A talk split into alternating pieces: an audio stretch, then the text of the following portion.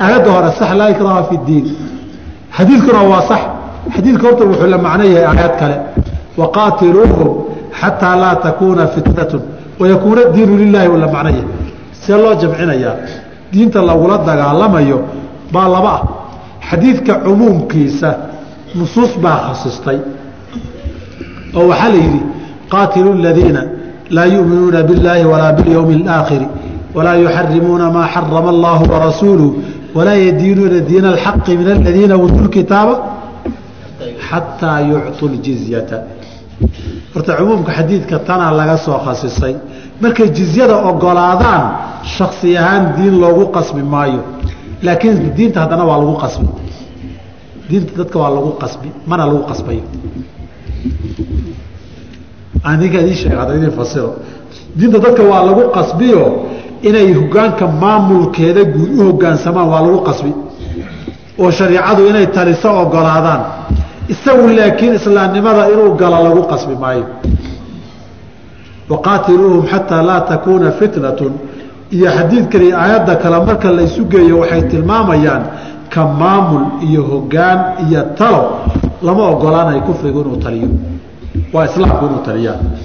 markii mustawaa shaksi loo soo dego dhafoorka laga saara ashahaado ma la dhihi maya ahludimaa dhan baa soo mareynay kitaabka taa soo mareynay axkaam ahludima maxay ka dhigan tahay? Dadaan muslim muslimiinta la nool wey.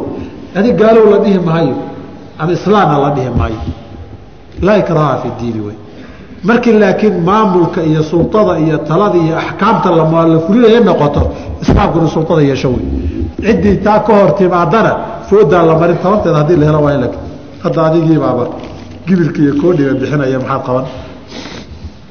Axaadiidta sheegaysa qof uurka hooyadiis markuu ku jiro jiray in la qoray cimrigiisa. Intaas uu dhaa intaas uu dhaafaynin. Intaa uu intaas uu dhaafaynin. Iyo kuwa kale ee sheegaya in ixsaanka qofka loogu kordhinayo cimriga iyagana maxase laysu waafajinayaa baan u gartay. Masalada horta waxay ku fiicnayd wakti gaaray u baahnayd. Laakiin nusuustu qur'aankana waa sheegay arrintaas sheegtay oo kaleeti mid u dhow oo wuxuu yihi ina ajal idaa jaa laa yuahar laakiin daahirka qur'aanku dhowr meelood wuxuu ku sheegay ajasha ilaahay agtiisa uu qoray waa labo. Suurat alancaam bilowgeeda uma qadaa ajalan wa ajalun musaman cindahu baa la sheegay. Suuratu faatirna waxaa lagu sheegay wamaa yucamaru min mucamarin walaa yunqasu min cumurihi ilaa fii kitaab. Cimri in la dheeraynaya lana soo gaabinayso maarti meel baa loo soo gaabiyey meelna waa laga dheereeyey. Marka la soo gaabiyey meel baa laga soo raray meel baa la keenay waa laba meelood. Marka la dheereeyena meel baa laga durkiyo meel baa la gaarsiiyeyna waa laba. Haddaba laba ajal iyo laba inay jiraan cumri bay aayaddu tilmaantay. Aayad kale waxay tilmaantay labadaa inta udhaxaysaay in wax kala badbedel iyo wax kala tiritaan jiro. Yamxu llaahu maa yashaau wayubitu wa cindahu umulkitaabi bay tiri aayad kalena nabiga waxaa kaloo ka soo codsanay inuu yihi laa yaruddu lqadaaa ila ducaa qadihii la qadaray ducadii allabari baa celiya. Wax kuu qoraa baa allabari celiya. Inaad alla baridana way ogow inaad alla baridana way qorayd waxaa kaloo nabigeena ka ala salaam ducada markii la aqbalaya saddex baa loo aqbalaa inuu yihi in waxay rabteen lagu siiyo in ajirkeeda aakhara laguu kaydiyo iyo balaayo kaleoo kugu soo socotay in lagaaga xijaabo. Balaayada way soo socotay soo ma? Inay soo socoto wax qoraa wey laakiin waa la celiyey. Waxaa kalood fiirisaa ilaahay ilaahay baryu yihi alla barigu hadduusan waxbaba bedelayni maxay tahay qiimaha iyo xikmadda u leehay maxaa ilaahay loo baryi walidaalika salafka iyo saxaabadii in badan waxaa ka sugan inay dhihi jira ilaah wadaa dadka xun igu qorta iga bedelo kuwa fiican igu qor.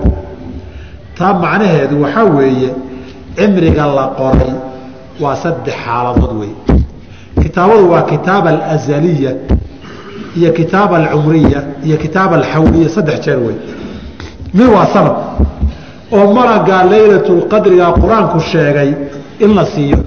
Xamiim walkitaabi lmubiin inaa anzalnaahu fii laylati mubaarakaةi inaa kunaa mundiriin fiiha yufraqu kulu amrin xakiimi amra min cindina. Habeenkaa laylatulqadriga ah shaqada sanadeedka malaaigta loo qaybiya diiwaan baa la siiyaa marka. Saayeel saayeel saayeel saayeel saayeel kaasi waa sanadle habeenka habeenkeedii markii la gaarana ilaa habeenkiisa kalaa loo dhiibaa. Midna waa cimrigaaga oo waa xadiidkaa tilmaantay ibnu mascuud. Fayumaru yursalu ilayhi اlmalaku fayu'maru biarbaci kalimaatin bikatbi risqihi wa ajalihi wa camalihi wa shaqiyun ow saciidun baa la qoraa. Midna waa kitaab alazaliya oo uu nabigu sheegay ala slam in awalu maa khalaqa allaahu اlqalam wixii la abuura qalamka ugu horeeyey faamarahu amar buu siiyo wax qor buu yihi fajara alqalamu bimaa huwa kaa'inun ilaa yowmi اqiyaama tan iyo qiyaamada wixii dhici doonaa maalinkaa la qoray qabla an yakhluqa asamaawaati waalarda bikhamsiina alfa sana. Konton kun oo sana ka hor intaan cirka dhulka la abuurin. Waina yowman cinda rabbika ku dhufa marka ka alfi sanatin. Konton kun oo sana kun ku dhufo. Intaasoo sanaa tiradeenna intaan ciriya dhulba la abuurinin aadan la abuurin baa cimrigaagiiyo wax walba la sii qoray. Haddaba saddex kitaabaa taalla ta ugu waasacsani waa tan ugu horeysay ta labaadna waa midda malaga uu soo qoray ee loo soo diray. Ta saddexaadna waa shaqada la qaybiyey. Labadan dabe way bedelmi karaan. Taa hore laakiin ma bedelanto waxaa laga yaaba inaad tidhaahdaan taa hore ma bedelanta labadan dambena way bedelmi kartaan inaan waxoogay jilciyo inaad u baahataan. Diiwaanka kore ixsaanka aan tusaale soo qaata marka. Dadku tusaalahay badanaa ku fahmaan qof baa cimrigiisii diiwaanka sare waxaa ugu qoran qofkan haddii uu ixsaan aanu samaynin afartan sano uu ku dhimanaya. Hadduu qaraabada xiriiriyana shan iyo afartan buu gaarayaa hase ahaatee uu xiriirin doonaa oo shan iyo afartan buu ku dhimanaya. Intaa tusaale ahaan saas oo kaleetaa ba waxay culimmadu leeyihiin baa diiwaanka asalkaa ku qoran. Kan loo qoray markii ilmaha la qorayey waxaa la qorayaa waxa uu ku dambayn doono. Ama camalkiisa qaalibka u noqon doona. Labadaa mid baa la qorayaa. Mid walbana waa noqon kartaa kay tawaafuq kii asalka ha yeeshaan natiijada gabagabadana taasaa la qoray. Kan kalena sida daahir camalihii baa la qorayaa kan sanadkana isagoo shardi ku xihan baa loo dhiibayaa hadduu qaraabada xiriirin waayo nafta ka soo qaad. Malagu ma oga inuu xiriirin doono in kale. Laakiin diiwaanka sare inuu xiriirin doonaa qoran. Qaraabaduu xiriirin wuu la soo noqon warqadii ninkii qaraabaduu xiriiriyey oo shardigii laygu xiray baa la waayayo waata warqadiisii wan wadaabuu dhihi. Ilaahay waa ogaa korna waa ku soo qorayn wa cindahu ummu lkitaabi wey labadan sokana yamxu llaahu maa yashaa wey. Kaan la tirine horena wa cindahu umulkitaabi wey. Intaa kaga soo koob intaa ka badan yaan idinkusii mashquulinin. Waa masaa'il kitaab laga qoree labadan risaalo. Ee midna shawkani uu leeyahay midna murcil xambali uu leeyahay labada risaale. Labada mashhuur xasan salmaan baa taxqiijiye akhri haddaad weydana fatxulbayaanka sadiiq xasan khaalid tafsiirka ah aayaadkan aayadda suurat lancaam uma qadaa ajalan waajalun musaman iyo wamaa yucamaru min mucamarin tafaatir labadaba masalada risaaladii shawkani oo xarfan ah ama nuskeeda ama badankeedu soo guuriyey halkaa ka koobiyeyso ka raadi hadda ka hadasha kutubtaas? Wuxuu yidhi adoo raalli ah waxaan ku weydiinayaa su'aal ku saabsan casharkii aan soo dhaafnay. Nin ayaa wuxuu leeyahay geel. Afar geel ah. Nin kalena waa wuxuu leeyahay toban geel ah. Waana isugu jiraa geela sidaas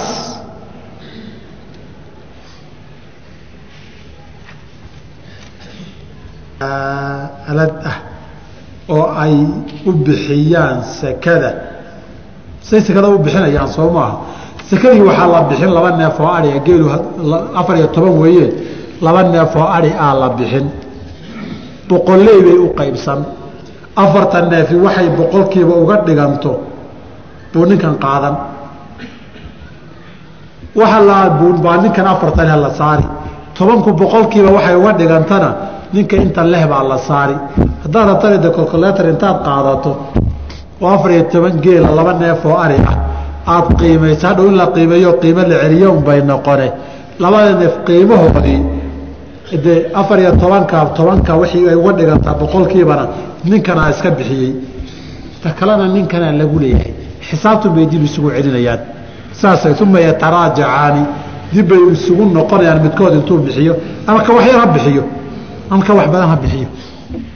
Marba xoolo hadday isku jiraan. Saasaa la isugu noqonayaa xoolo nool hadday yihiin. Bisadaana waan soo marray. Su'aashan aan ku soo gebagabayn. Assalaamu calaykum. Waxaad iga jaahil bixisaa.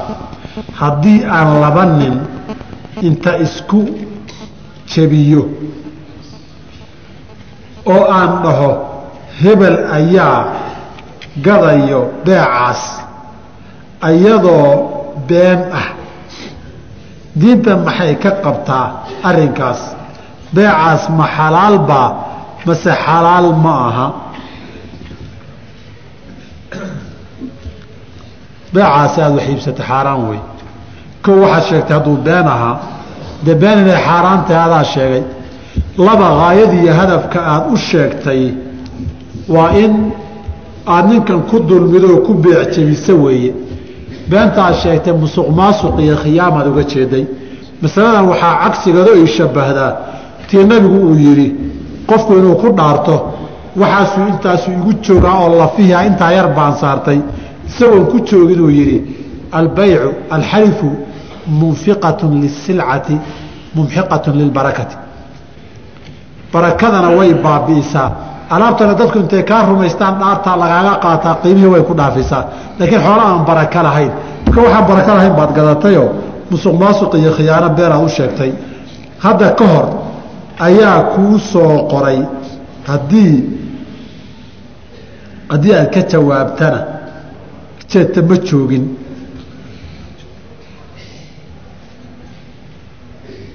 eegto lix iyo toban sano ayaa muddo ka soo wareegtay lix iyo toban sano ayaa waxaa waxaan helay lacag dhan boqol doolar lacagtii waa ku shaqeeyey. Lacagtii faa'iido ayay soo saartay.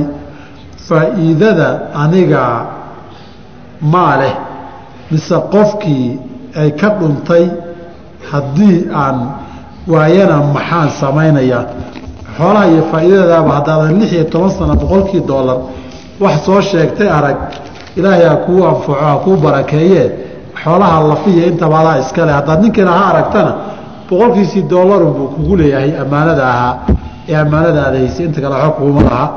Intaasaan ku soo gabagabaynaha subxaanaka allah bixamdika ashhadu an laa ilaha illa anta astaqfiruka waatuubu ilayk. Raxiim alxamdu lilaahi rabbi اlcaalamiin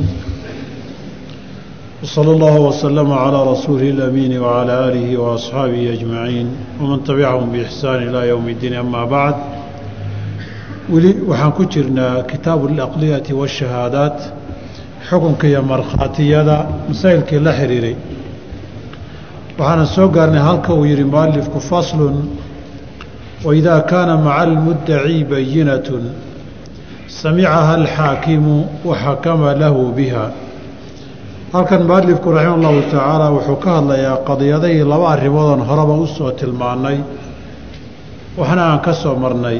Markii dacwada laga hadlayo marka hore muddaci iyo muddaca calayhi in la kala xadido weeye. Dacwaduna saddex qaybood bay noqon kartaa. Saddexdaa qaybood labaa isku xukum ah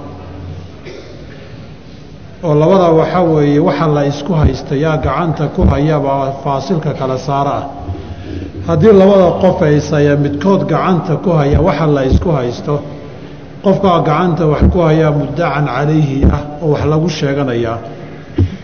Haddiise ay labaduba gacanta ku hayaanoo wax gacanta ugu wada jira uu yahay ama midkoodnaba aanu haynin oo masalada nus muddaciya nus muddaca calayhi ay wada noqdaan ama labaduba laba muddaci ay noqdaan. Labada xaaladood isku xukun bay noqonayaan.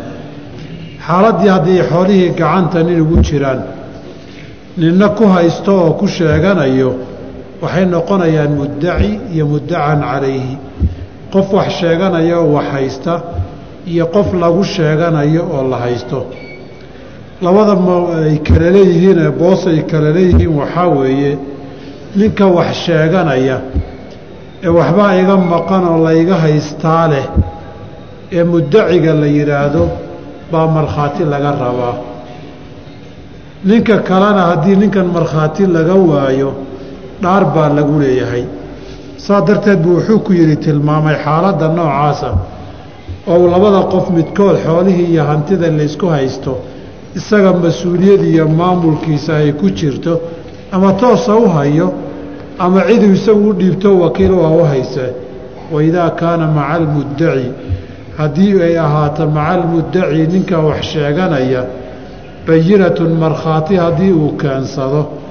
Samicaha alxaakimu qaadigu waa dhegaysanayaa haddii ay ugu markhaati kacaanna waxakama lahu lilmuddaci buu u xukumayaa bihaa bilbayinati markhaatiguu wax ugu goynayaayo xukumkii isaguu ku siinayaa waase markhaatigu shuruudii loo baahnaa haddii laga helo waxna soo hormaray waxna gadaal mar labaad inoogu iman doona inshaa allahu tacaala.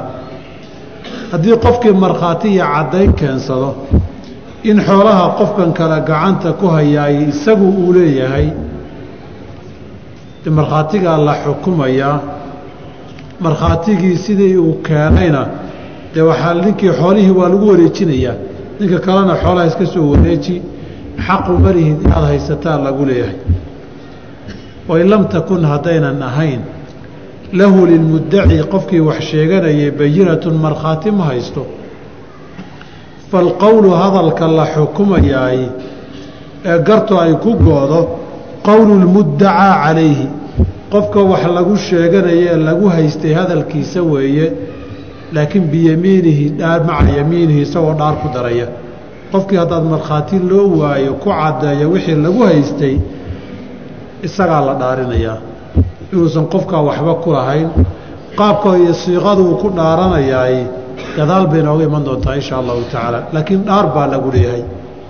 Nabiguna calayhi salaatu wasalaam ka qowliya qaaciide caam ana waa u yidhi ka xugum iyo qadiyado la ysku qabsadayna waa u fuliyey nabigu calayh salaatu salaam mar waa kii lahaa. Haddii qof waliba wuxuu sheegta la siinayo iska qaada la leeyahay dad baa dad xoolahood iyo dhiiggoodaba sheeg xoolahood iyo dhiiggoodba sheegan lahaa. Walaakin ilbayinatu cala almuddaci markhaati waxaa laga rabaa iyo caddaysasho qofkii wax sheeganayay. Riwaayadka qaarkoodba waxay ku dareen walyamiinu calaa man ankar. Qofka diidan ee waxaa ma laha qofkan lehee la haystahaana markhaati buu leeyahay haddii kaasii dhaar buu leeyahay haddii kan hore markhaatigiisii waaye marna nabiga casr laba nin oo dhul isku haystaa ula yimid. Ninkii dhulka hay ninbaa dhulka gacanta ku hayay oo beeraha hayay.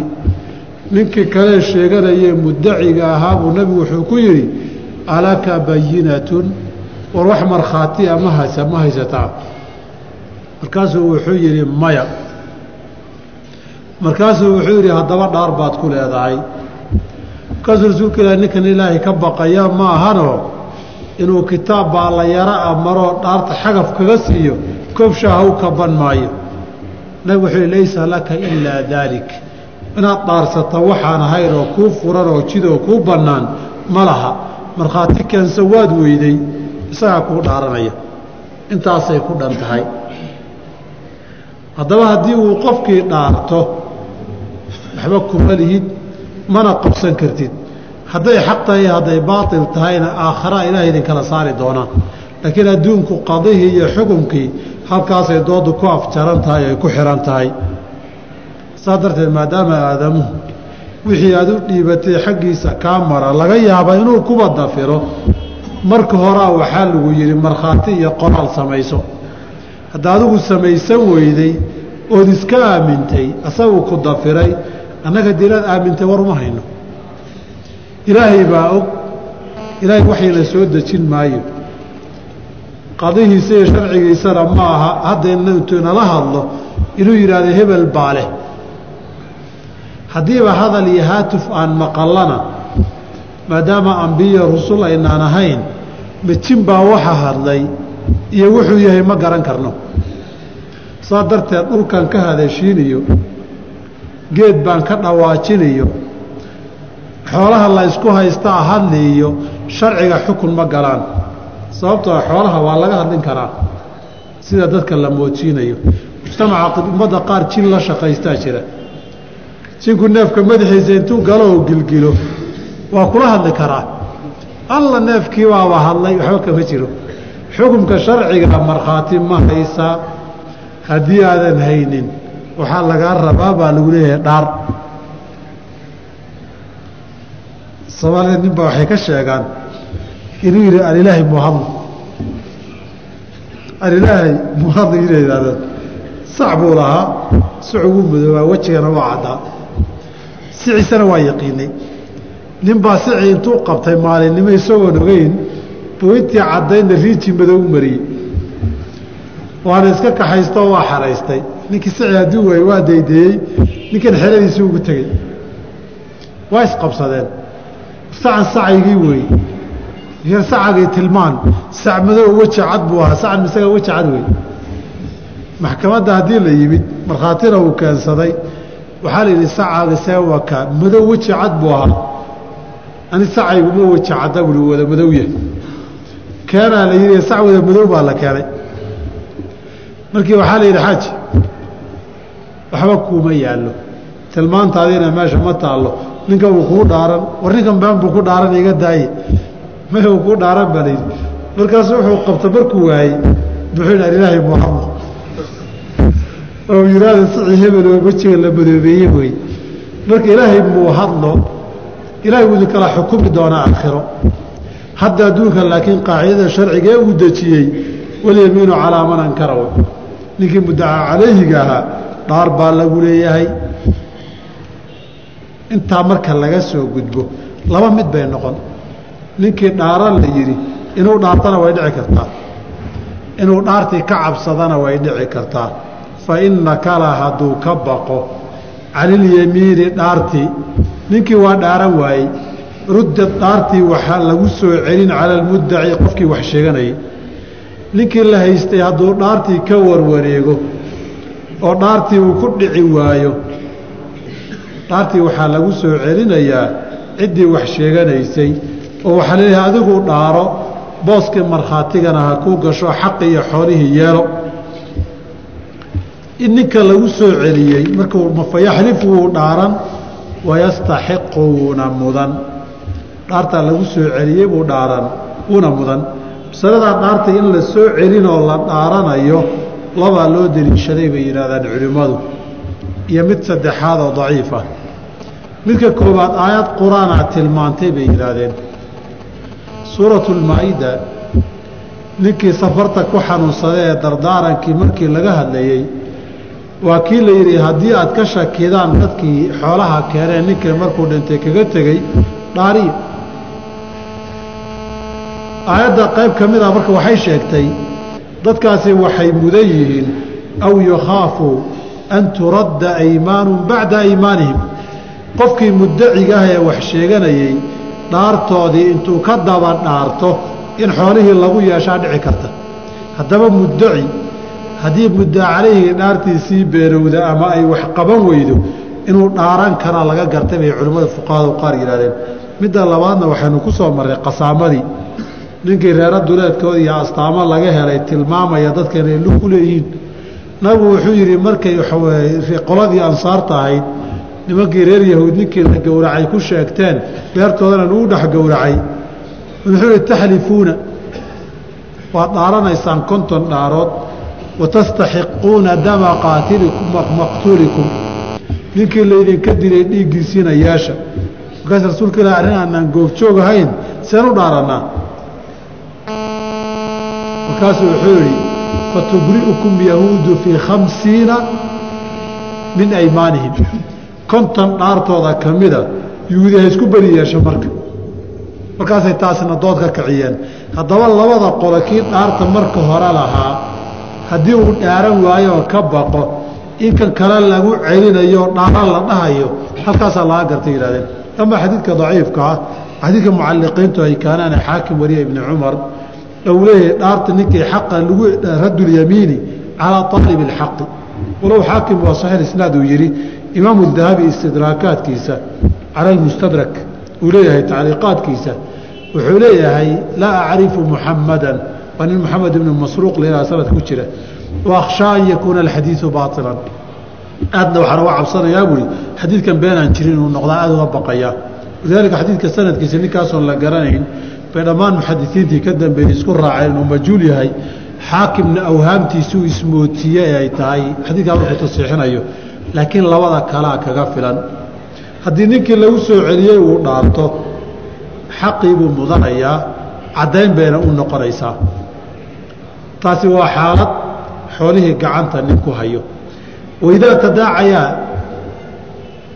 hadday isla sheegtaan oon xaaladdii horey geli doontaaye shay-an waxbay isku qabsadeen oo iskula soo dacwoodeen fii yaddi axadihimaa midkood gacantiisa ku jira falqowlu qowlu saaxibi اlyadi hadalka xukunkee gari ku go'daay qowlu saaxibi اlyadi ninka gacanta ku haya hadalkiisa weeye biyamiinihi dhaartiisa isagaa isagaa mudacaa calayhi ah isagaa dhaaranaya marka xoolay gacanta ku haya wain kaana hadduu yahay fii aydiihi aydiihimaa labadaba gacantay ku hayaan guri baa laysku haystaa nin walba qayb buu ka degan yahay. Anaalihii anaale baa laysku haystaa. Taxaalafaa waa isla dhaaran. Wajucila baynahumaa waana loo qaybin oo dhexdoodaa laga dhigi. Wadaag baa laga dhigiyo waa loo qaybin. Fuqahadeena shaaficiyadu masalada waxay u deliishadeen xadiid daciifa. Oo aan sanadkiisu sugnayn. Oo nabigaa yihi la leeyahay calayhi salaatu wasalaam laba nin baa isku soo sheegtay neef geela ama neef gaadiiday isku qabsadeen. Midkoodiina markhaati ma haysanin. Nabigaa labadoodii u qaybiyey. Xadiidka xadiid daciifa wey laakiin waxaa asaxday inay dhaaranayaan labaduba. Laakiin inay dhaaranayaan laakiin dhaarta lagu qori tuurayo. Koodii qorituurku dhaarta u soo baxo baa dhaartii mudanaya. Hadduu dhaarto xoolihii wuu qaadan. Hadduu ka baqana ka kalaa lagu soo celin inta uu dhaarto xoolihii qaadanayaan waxaa dhacday xilliga nabiga calayh isalaatu wasalaam sida imaamu axmed iyo abu daawuud iyo keyrkood warinayaan laba nin baa neef gaadiida isku qabsaday midkoodiina markhaati ma haysanin faamara الnabiyu salى اllahu عalayhi wasalama an yastahimaa cala اlyamiin dhaarta inay u qori tuurtaan buu nabigu amray axabbaa aw kariha hadday wada jecel yihiin dhaarta iyo hadday ka wada cararayaanba waa qori tuur xaquna haddii loo sinmo dadka waxaa lagu kala saaraa qori tuurkaa lagu kala saaraa marna riwaayaadka xadiidka qaarkood waxay leeyiin idaa kariha اlاثnaani اlyamiina aw istaxabbaaha falyastahimaa calayha hadday labada qof dhaarta ku wada qamaamaan ama ay ka wada cararaan ha loogu qori halkaa waxaa laga fahmay yidhahdeen haddii midna dhaartii uu rabo midna ani dhaaran maayo uu leeyahay ka dhaarta ku qamaamayaa la dhaarin. Markay ku dhaartana xaqii buu yeelan. Kii qorituurku u soo baxay hadduu dhaarto isagaa xoolihii leh. Ama run ha ku dhaarto ama been ha ku dhaarto taa aakhiray jirtaa. Haddii kii ay u soo baxay qorituurku dhaarta diido ka kalaa lagu celinayaayo hadduu dhaarto xoolihii wuu yeelanayaa marka qurcada iyo qorituurka baa asaxu lqowlayni ah waayo khabarkeeda iyo aharkeeda asaxay kan laakiin fuqahadeennu ay qabaanoo wada dhaaran waana loo qaybinta qowl daciifa weeyo xadiidkiisu uusan asixin. Sidee buu u dhaaranayaa qofku? Baabulyamiini marka la gaaro qofka la dhaarinayo ee dhaarta u soo istaagay laba mid weeye. Imaa xaq darra in lagu dhaarinayo wa imaa dhaarta xaq sharciga inay tahay oo qaadi dhaarinayo. Haddii qofkan la dulminayo oo dulmi iyo xaq darra lagu dhaarinayo mas'aladuna mas'alatu lqadaa'i iyo qaadi xukumkii aanay ahayn wuu tawriyaysan karaa. Sidaba tawriyada waxaa la yidhaahdaa erey dadku si u qaateen adna si kale aada ula jeedo. Sidaa kalena macnihiisu noqon karo.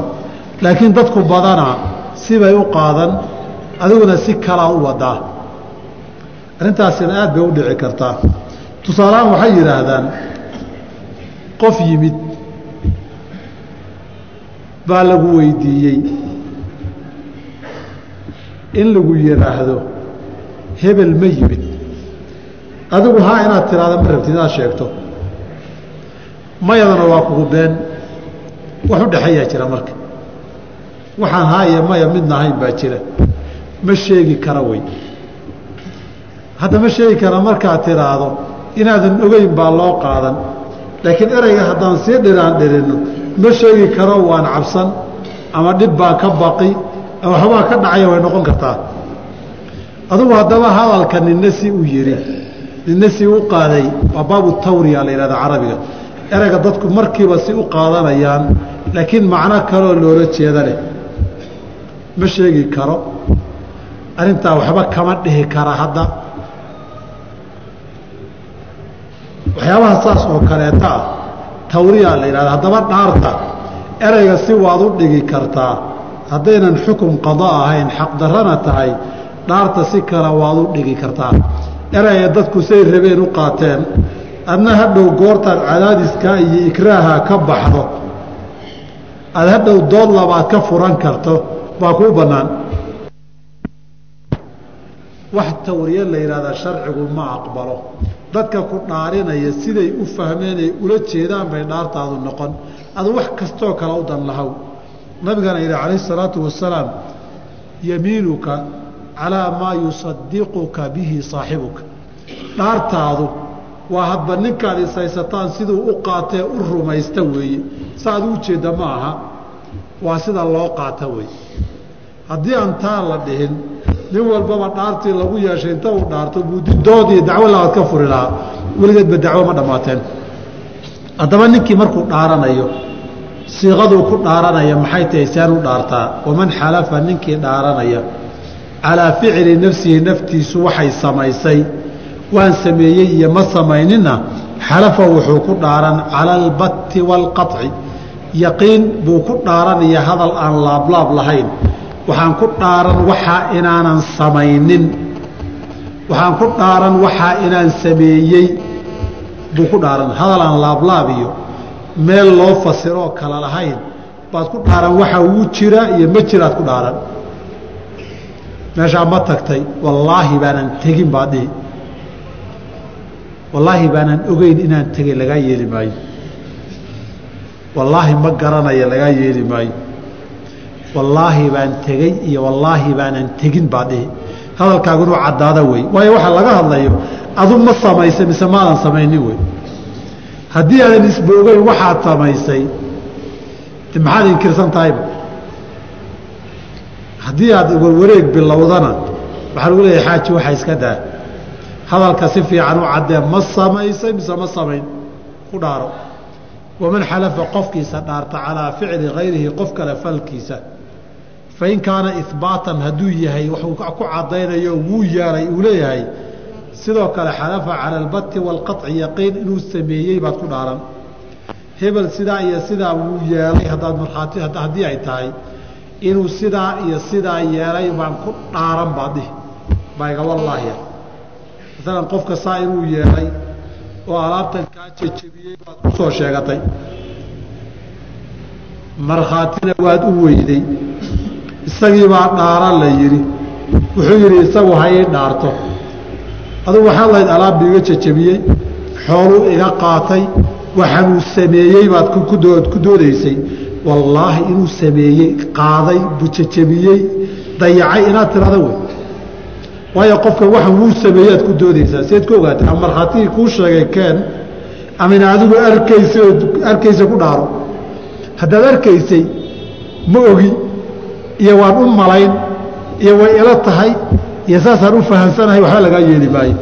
Saa inuu yeelay baa iga wallaahi adheh wain kaana nafyan hadduu yahay qofkan saa inuusan samaynin xalafa wuxuu ku dhaaranayaa calaa nafyi ilcilmi inuusan ogeyn. Ogaalkaagaad ku dhaaran. Waayo qofkan adu raqiib iyo catiid ma tiid. Waxa wuu sameeyaa lagu lagu haystaa qofkan qofkan waxaasuu sameeyey waxaa ma samaynin baa lagu dooday. Inuusan qofkan waxaa samaynin baad ku dhaaratay wasen ugu dhaaran qofkan is waxaa samaynin. Ilmo caruurood weli u taha dhaar lagu yeeshay. Ama majnuun aada weli u tahay baa dhaar lagu yeeshay. Ama nimaad wakiil u tahay baa dhaar lagu yeeshay. Waxaa inuusan samaynin baad rabtaa inaad ku dhaarato ilmahana alaab naga jejebiyey baa la yidhi. Markhaati baa loo waayey. Qoladii baa dhaar lagu yeeshay. Idinkiibayay ku soo celiyeen. Inuusan jejebinin baa iga wallaahi maya. Waayo way dhici kartaa inuu jejebiye waxan oo caddaynuu loolaya adigana qofkan raqiib iyo catiid ma tihido afar iyo labaatanka saac dhaqaaqu dhaqaaqaba ma ogid. Waxaad ku dhaaran waxaa iga wallaahiya inuu waxaa sameeyey inaanan ogeyn inuu alaab jejabiyey inaanan ogeyn baa wallaahi adhi inuu dadka saa u caayo xoolahaa qaatay inaanan ogeyn baa wallaahi abaad dhihi sababtoo a qofkani waxaa ma samaynin. Mar kasta lamaadan joogin. Mar kastaba saaka waa iska shaqo tagtay carruurtii dugsiyo iskuul bay aadeen magaaladaasi aadeen xaafadday joogeen miyaad ag taagneyd waxay leeyihiin xaalad baa laga soo reebi zaman mucayana ood adigu la taagnayd baa lagu soo koobo zamanka aad la taagnayd buu waxaa sameeyey baa layidhi waa yaqiino inuusan samaynin waa ku dhaaran kartaa qaci laakiin waxaa dhici karta maadaama dhacdooyinku ay kala duwanaan karaan inaadan ogeyn waxaa inuu sameeyey inaadan ogeyn waxaa in lagu leeyahay inaadan ogeyn waxaa inuu qaaday inaadan ogeyn waxaa inuu yiri baad ku dhaaran nafyi hadday tahay intaasina waa siiqadii xalifki iyo dhaarta qaabkii loo dhaaran lahaa. Shuhuud iyo markhaatigii ayaa dib loogu soo laabtay faslun. Wuxuu yidhi mualifku walaa tuqbalu shahaadatu. Markhaatiga lagama aqbalo ilaa miman ijtamacat fiihi. Qof ay isugu timid ay ku kulantay maahane khamsu khisaalin shan xaaladood. Markhaatiga sidiisaba shuruudan in loo xiro sababka asaaska u ah wax sababa asaas u ah baa jira. Markhaatiga markii aada noqonayso shahaadadu waxay leeyihiin waa nooc wilaaye ah waa nooc awood iyo sulto maamul ah weeye. Oo markhaatigii aada gudatay baa qof lagu dili oo qisaas lagaga fulin ama lagu rajmin ama gacan lagu goyn. Ama markhaatigaagiibaa dad xoolo loogu kala xukumi. Awooddaadii haddaba aada markhaati kacday waxay noqotay awood xuquuqi ku waajibto xaqna la ysugu yeesho xuduudna lagu fuliyo. Awoodda sidaasa qofka yeelanayaay waa qof nooc awood iyo sulto maamul iyo wilaayo leh weeye qofka wilaayo yeelan kara wa-ayo. Halkaasaa iman ilmo sabica wilaayo ma yeelan karaa oo tiisuuban wilaayo noqon karin koob shaaha maamuli karine. Dad kale xuquuqdood inay waajibta iyo in dad xuduud laga fuliye iyo sulto awood wilaayo saasa ma yeelan karaa majnuunkii ka waran addoonkii isaguba lalahaa in koob shaaha yeelan karin ma yeelan karaa awood uu wax ku maamulo sultadiisii wax lagu fuliyo. Halkaa weeye asaaska mas'alada baabu shahaada shuruudan loo xiray. Shardiga koowaad alislaamu wey islaamnimadu inay shardi tahay cumuuman walan yajcala allaahu lilkaafiriina cala almu'miniina sabiilan saasaa lagu dariishadayoo nooc wilaaya weeyaa la leeyahay mar kale markii markhaatiga laga hadlayey shahiideyni min rijaalikum iyo minman tardawna min ashuhadaai gaal iyo ha laga raalli noqda yihi sideedaba riduhu waa qalbi sooma gaal ha laga raalli noqda layaa yihi meesha maba ku jirtaba.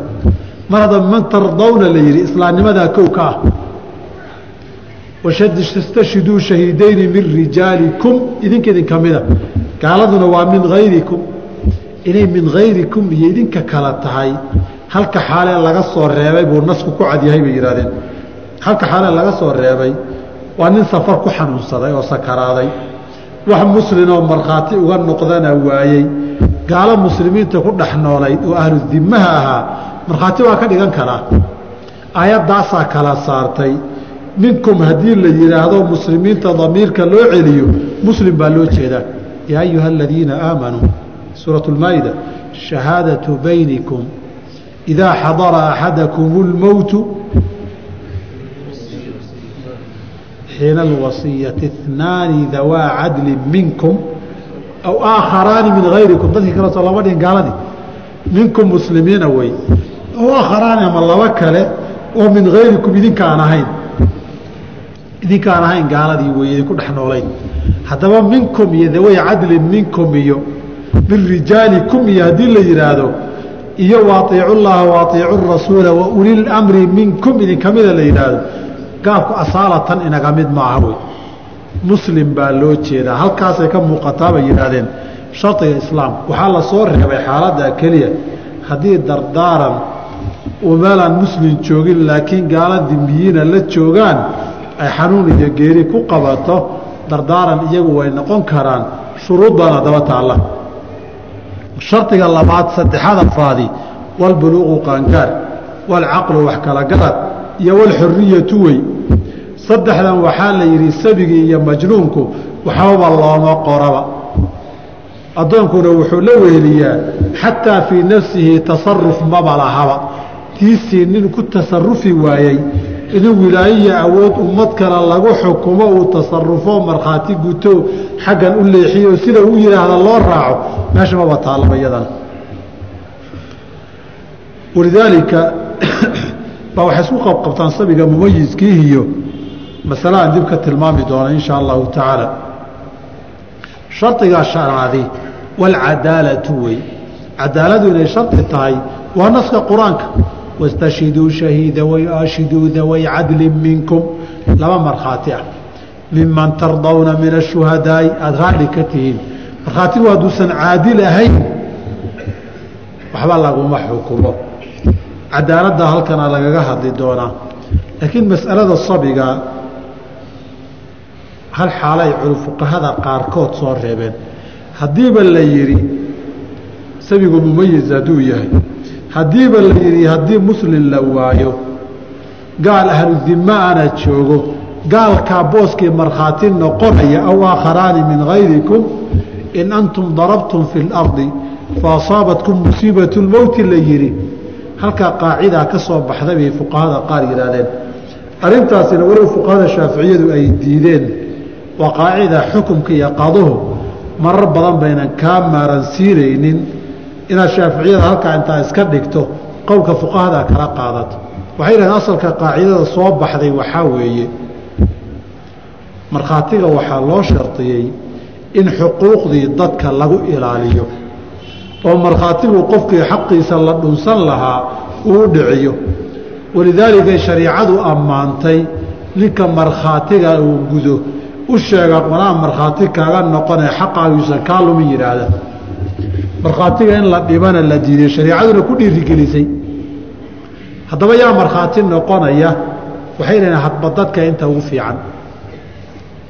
Haddii dadkii cadaaladiina cadaaladdu waxay yidhaahdeen walow uu dawaabita halkan sheegi doona asalkeedu waa dadka alamhalu faalamhal sida loo kala fiican yahay wey zaman kastoo la joogo iyo goob kastoo la joogana dadku alamhal faalamhal bay leeyihiin. Cuduusha ragga innaga inoo ee akhyaarta inoo ah haddii zamankii salafkii lagu xisaaba sidii la ahaan jiray waxay yidhaahdeen cadaalad ma noqdaan markhaatina ma galaan. Haddii sidaa loo adkeeya bahashana xuquuqdoo dhan baa lumaysa dee qof markhaati galaaba la waayayaa saa darteed cadaaladdu waxay yidhaahdeen zaman walba waxaa lagu xadeeyaa xilligaa iyo goobta la joogo dadka akhyaarta iyo warkooda looga qaateenka ah ee warkooda la tixgeliyo ha la yidhaahdo walidaalika fuqahada haddii aad fiiriso tasalsulka taariikhiga ah dawaabita iyo shuruuda ninka caadilkiihi zamanba zamanka ka dambeeyaa ka sii khafiifsan way sii khafiiftaa. Sababtoo laba mid baa taalla oo nabiga maadaamuu yidhi xadiidka anas ku yidhi maa min caamin ilaa waladii bacdahu sharu minhu sanad kastaba kaka dambeeyaa ka sii xun waa sii fasaadaya. Marna wuxuu ku tilmaamay nabigu waxay noqon doonaan dadku ka ibililmia geel boqol ah. Laa takaadu tajidu fiihaa raaxila neef la rarta aan lahayn.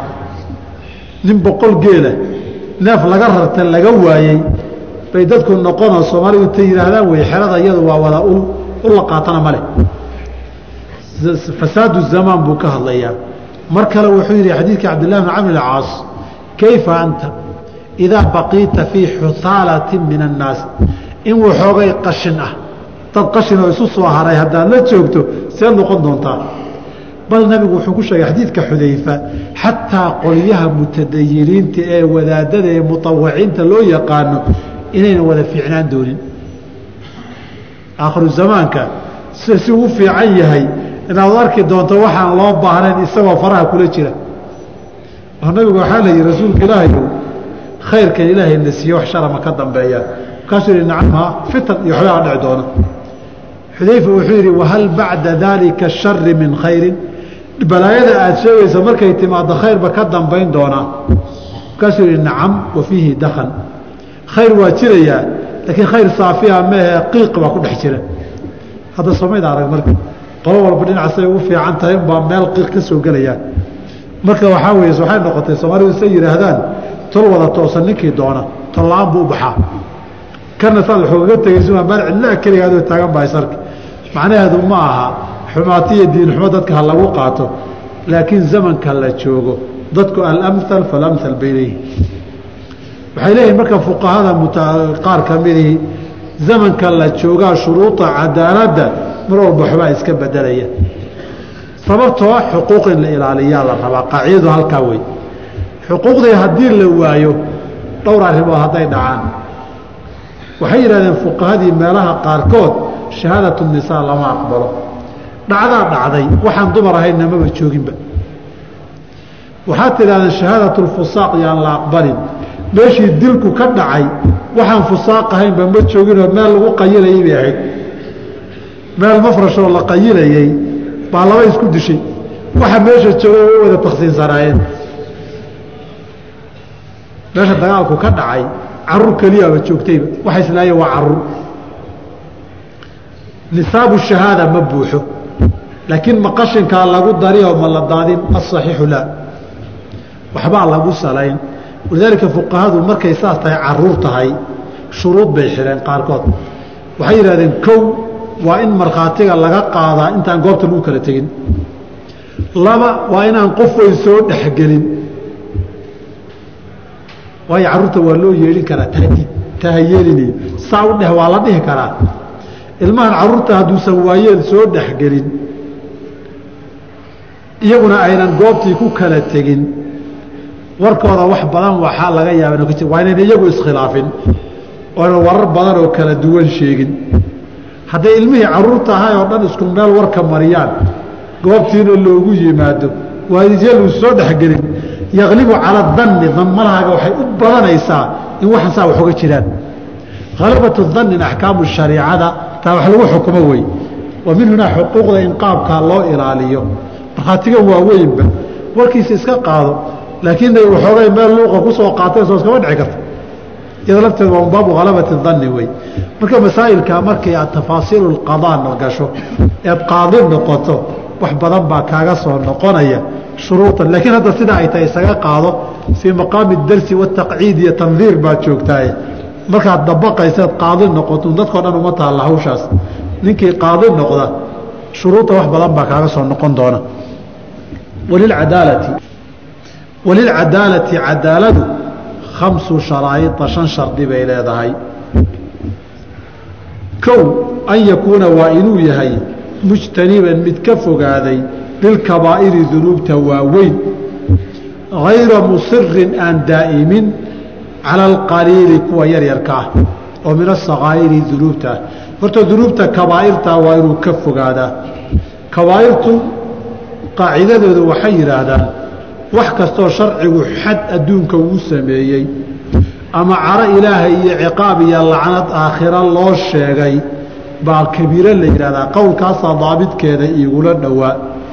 Ninka faahfaahintooda raba kabaa'irka dahabi iyo azawaajir min iqtiraaf can iqtiraafi اkabaa'irka ibn xajar alhaytami iyo alcumdatu fi lkabaa'ir rag mucaasiriinta qaar ka mida leeyihiin iyo kutubtaasuu tafaasiisha ka raadin karaa.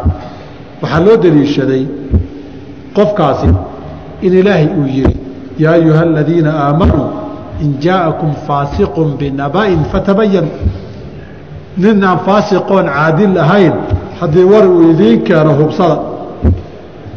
Waxaa kaloo ilaah yidhi kuwii xadulqadafka sameeyey walaa taqbaluu lahum shahaadatan abadan. Markhaati weligiina ka yeelina. Saas darteed ninkuu xadulqadafku waa kabaa'ir iftiraa muslimiin lagu been abuurto aayadda kale ku degtayna waa kabaa'ir. Kuwa saasoo kale a qofka haddii uu galo markhaatigiisiina aan la aqbalayn baa loo deliishaday.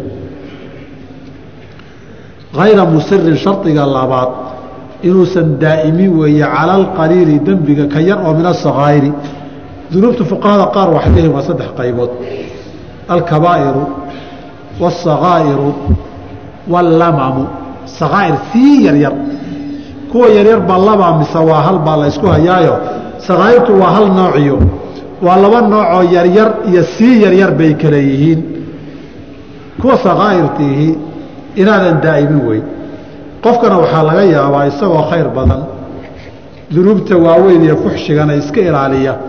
Nooc sakaa'irtaa in lagu imtixaanoo lagu fitneeyaa dhici karto lagu aafeeyo nafta uu ka kari waayo. Masaladaana ibnuqayim raximah allahu tacaala kitaabkiisa addaaw wadawaaw ama aljawaab lkaafi liman sala can idawaa'i shaafi buu aada uga hadlay masaladaas inay qofka mushkiladdaa imtixaankaa qabsan karo oo wax uun gaaroo dembiga lagu yar aafeyn karo lacallow inay masaalix iyo manfaco ugu jirto inuu dadaalo hadiyo goor tajdiidiyo. Dembi yar haddii uu jiro dunuubta sakaa'irtaa waxay yidhaahdeen annadaru ila alajnabiyaati baa ka mida ninka halkaa unbuu fiiriyaayo bahashaasuu ku aafaysan yahay markaa sakaa'irtaasoo kaleeto hadduu daa'imoo joogteeyo uusan ka towbadkeenin isagana walow toobada in la hubsada ay dhib badan tahay. Qofka inuu toobad keenay xalay toobad keenyahana yaa warhaya kow saliima sariirati shardiga saddexaad caqiidadiisu inay nadiif tahay wey uusan mubtadic ahayn. Hadduuba qabri baryaya markhaati ma gala wey. Ku qabri baryay iyo ku jiilaaliyowda ku hay cinda fuqahaai shaaficiyati markhaati ma galo waayo aqala shay mubtadic wey hadduusan mushrig ahayn hadduusan mushrigba ahayn oo wax loogu cudur daaro mubtadic weey ashcariyaduna ma gasho maaturiidiye ma gasho oo murjia ma gasho oo jahmiye ma gasho isku dar kuwii sifaadka ilaahay diidanaayee ta'wiilin jiray oo dhan saliima sariirati ma aha caqiidadu nadiif maaha warkaad waa shaaficiyada ogow saliima sariirati caqiidadiisu miday nadiif tahay wey waa masaladii ahayd masalatu mubtadic asaxu aqwaali cinda ahli اlcilmi sidaa fuqahadu ay ilaaqeen shaaficiyadu ma aha. Imaamu shaaficina sidaas ma qabin. Imaamu shaafici hal qoluu ka soo reebay ahlulbidaca inta kalena markhaatigooda waan aqbali yidhi qolada ila alkhaaabiyata niman la yidhaahda maahane aqbalu shahaadata ahli اlahwaayi ila alkhaaabiya saasuu imaamu shaafici leeyahy qoladaa maxaad ku diiday baa layidhi qoladaa waxaa kamida buu i caqiidadoodii ay rumaysan yihiin ninka aada isku madhabka tihiin been waad ugu markhaati furi kartaa masalada been baaba laga cararaya markhaatige nin rumaysanba qoladaad qofkaa isku kooxda tihiin been ugu markhaati fur qof rumaysanba qofka waxaan markhaatigiisa ka aqbala garan maayo alla saxu haddii waa markhaati shilimaad laga markhaati kacaye. Fii baabi riwaaya iyo axaadiid la warinayo diin laga dhigayoo xalaal iyo xaraam galaysa baa waxaa la aqbalay ninku bidcabaha ku jire. Haddii qof inta laga yaqaano tadayun loo diin badanoo wixii xaaraam iska ilaaliyo uu yahay. Afkiisa iyo ereygiisana qof run sheega uu yahay. Haddaan beenna lagu arag oo qof run loowa uu yahay qof sidiisa suluugiisa iyo dhaqankiisana qof ilaahay ka cabsi lagu ogyahay uu yahay markhaatigiisa iyo riwaayadiisa labadaba waa la aqbalaya. Hada saxiixu min aqwaali ahli اlcilmi raxmat ullaahi calayh haddiiba xadiidkii nabiga laga aqbalay dadka sifadoodu ay sidaas tahay in la aqbalaa afar shilin iyo toban shilin oo ka marag iyo markhaati kacay min baabi awlaa wey walidaalika culimmadu waxay yidhaahdaan bidcadiisa ka waran marka la yidhaahdo lanaa sidquhu wa calayhi bidcatuh. Bidcadiisa dembigeedana isagaa aakhare ilaahay kala xisaabtami. Runtiisa iyo ereygiisana annagay ilaahay annaga runtiisaan qaadanaynaa marabsha ka dhacday? Haddaba qofku mas'aladan saliima sariirati caqiidadiisu inay nadiif tahay waa darajada koobaad hadduu bidac ku dhaco asaguu qof tadayun iyo alla kacabsi lagu yaqaano yahay ereygiisi iyo qowlkiisina run lagu og yahay qofku markuu bidcadaa ku dhacaya asaalatan qofka muslimka uma aha isaguu diin xumeeyo diin khilaaf isma laha. Sidanuu xaqii u arkaa hadduu sidaa ilaahay kaga cabsado runtana ku sheego markhaatigiisa waa la aqbalayaa ama jahmi ha noqdo ama jabri ha noqdo ama ashcari ha noqdo ama wuxuu dooni ha noqdo. Inuu muslimka xaddii islaamka iyo intaa ku jirunbaa shardiga laakiin madhab ahaan waad aragtaa waxay qabaan. Shardiga afraadi ma'muunan in laga aamin yahay cinda alghadabi markuu caroodo. Qof markuu caroodo fakanaya waa wax walba isaga hadla waa inuusan ahayn ninka markhaatiga waa la qudqudi oo waa lala hadli oo sideed ku ogaatay baa la dhihi oo bal warkiisa waa la waraysanoo si fiican baa loo dhegaysan hadduu intu iska waxanaaqa dadka caayayo. Ninkaasi sifaatu nifaaq baa ku jira wey. Oo waidaa khaasama fajara. Hadduu dad la murmo isqabtaan oo xanaaqo fajara waxaa weeyaan waa dambaabaa wuxuu rabuu ku hadlaa hadduu yahay ninkaasi markhaati ma galay leeyihiin shaaficiyadu. Muxaafidan waa inuu ilaalinayo calaa muruu'ati milihi anshax wanaagga isaga oo kale isaga dadka meeshuu kaga jiro anshax wanaagga dadka dabaqadiisaasa waa inuu ilaaliyaa. Waxay idhaahdeen muruu'adu waa wax isbedela zamanka la joogo iyo goobta la joogo. Mujtamacuna wax dad sharaftale ay iska ilaaliyaan baa jira. Dadkaa sharaftale laftoodu waa dabaqaad. Wax hebel laga aqbali laakiin hebel aan laga yeelaynin baa jira. Hadda innagu waa iska caadi sheekhu inuu macawis iyo shaati qaato oo go- iyo cumaamadda garabka saarta soo maa afrikadan galbeed haddaad tagto macawista haweenkaa xirta. Sidoo kale laakiin innaga waxaa ceeba sheekhu inuu shaati iyo haddii halka aan soo fadhiista caawa anuu suud qaboo shaati iyo sarwaal iyo jaakad intaan qabatay ii xiran yahay waxaad leedahay wadaadkii ma waashay mise waa kitaabbaxoora dhahaysaan laakiin westarenka iyo galbeedka markaad tagto adoo intaa qabaad khudbada jumcada akhri. Waa iska caadi. Bakistaan haddaad tagta ninka sheekha iyo ninka ra'iisul wasaaraha iyo ninka wasiirka baaskiil buu wataa laba wajeeb uga lalmadaan oo alaabtiisa ugu jirto. Halkaa laakiin maanta haddaan baaskiil soo qaato ololaalkiisa wax ka noqon dhahaysaa sooma aragtaan. Macnaa mujtamaca halkaas la joogo baaskiilku dhib ma laha laakiin halkan ninkii lala yaabaya baaskiil inuu wato laakiin ninka dhallinyarada ee ardayga ee meel dhiganaya ee kollejkiisu cararaya baaskiil wata waxaa laga yaaba inaan lala yaabin. Isaga da-daa haddii uu yahay baaskiilka waa loo ogolya. Laakiin ninkii sheekha hadduu baaskiil soo qaato markhaati laga aqbali maayo. Waayo anshax wanaag maaha.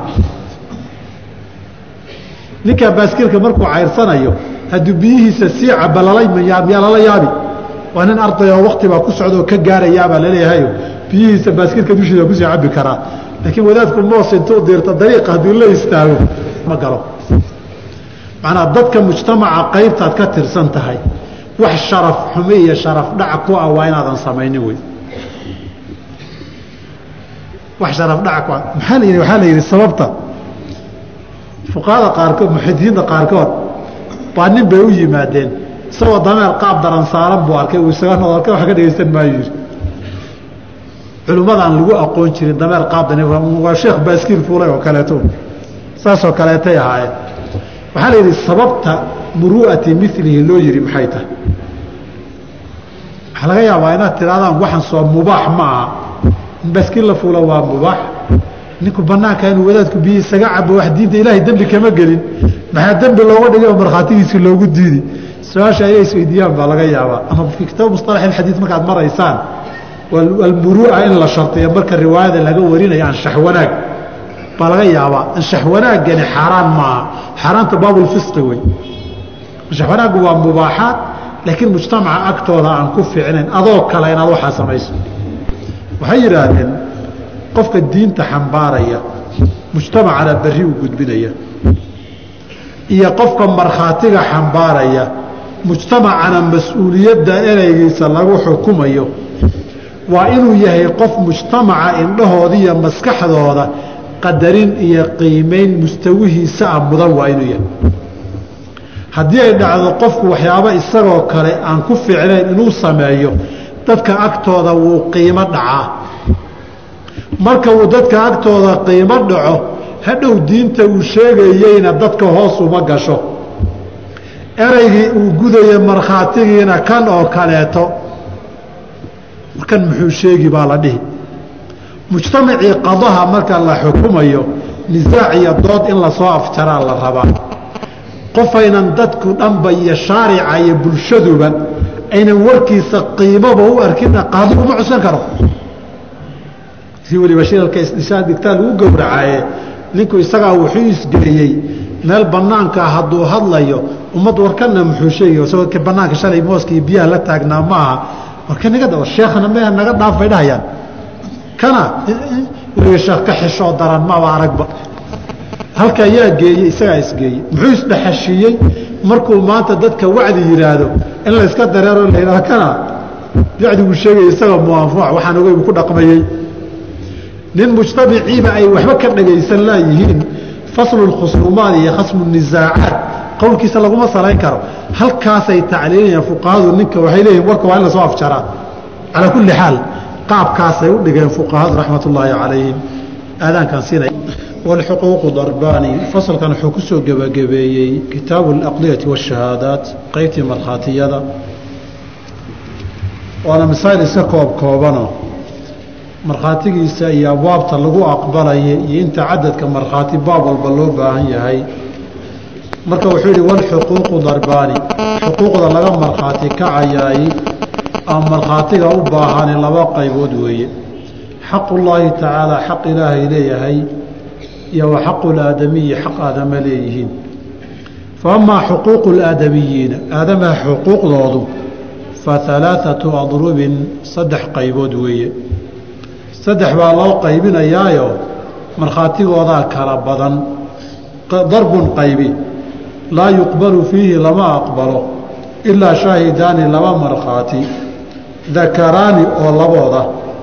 Wa huwa maa laa yuqsadu minhu lmaalu wixii maal iyo xoolo aan looga jeedin weeye.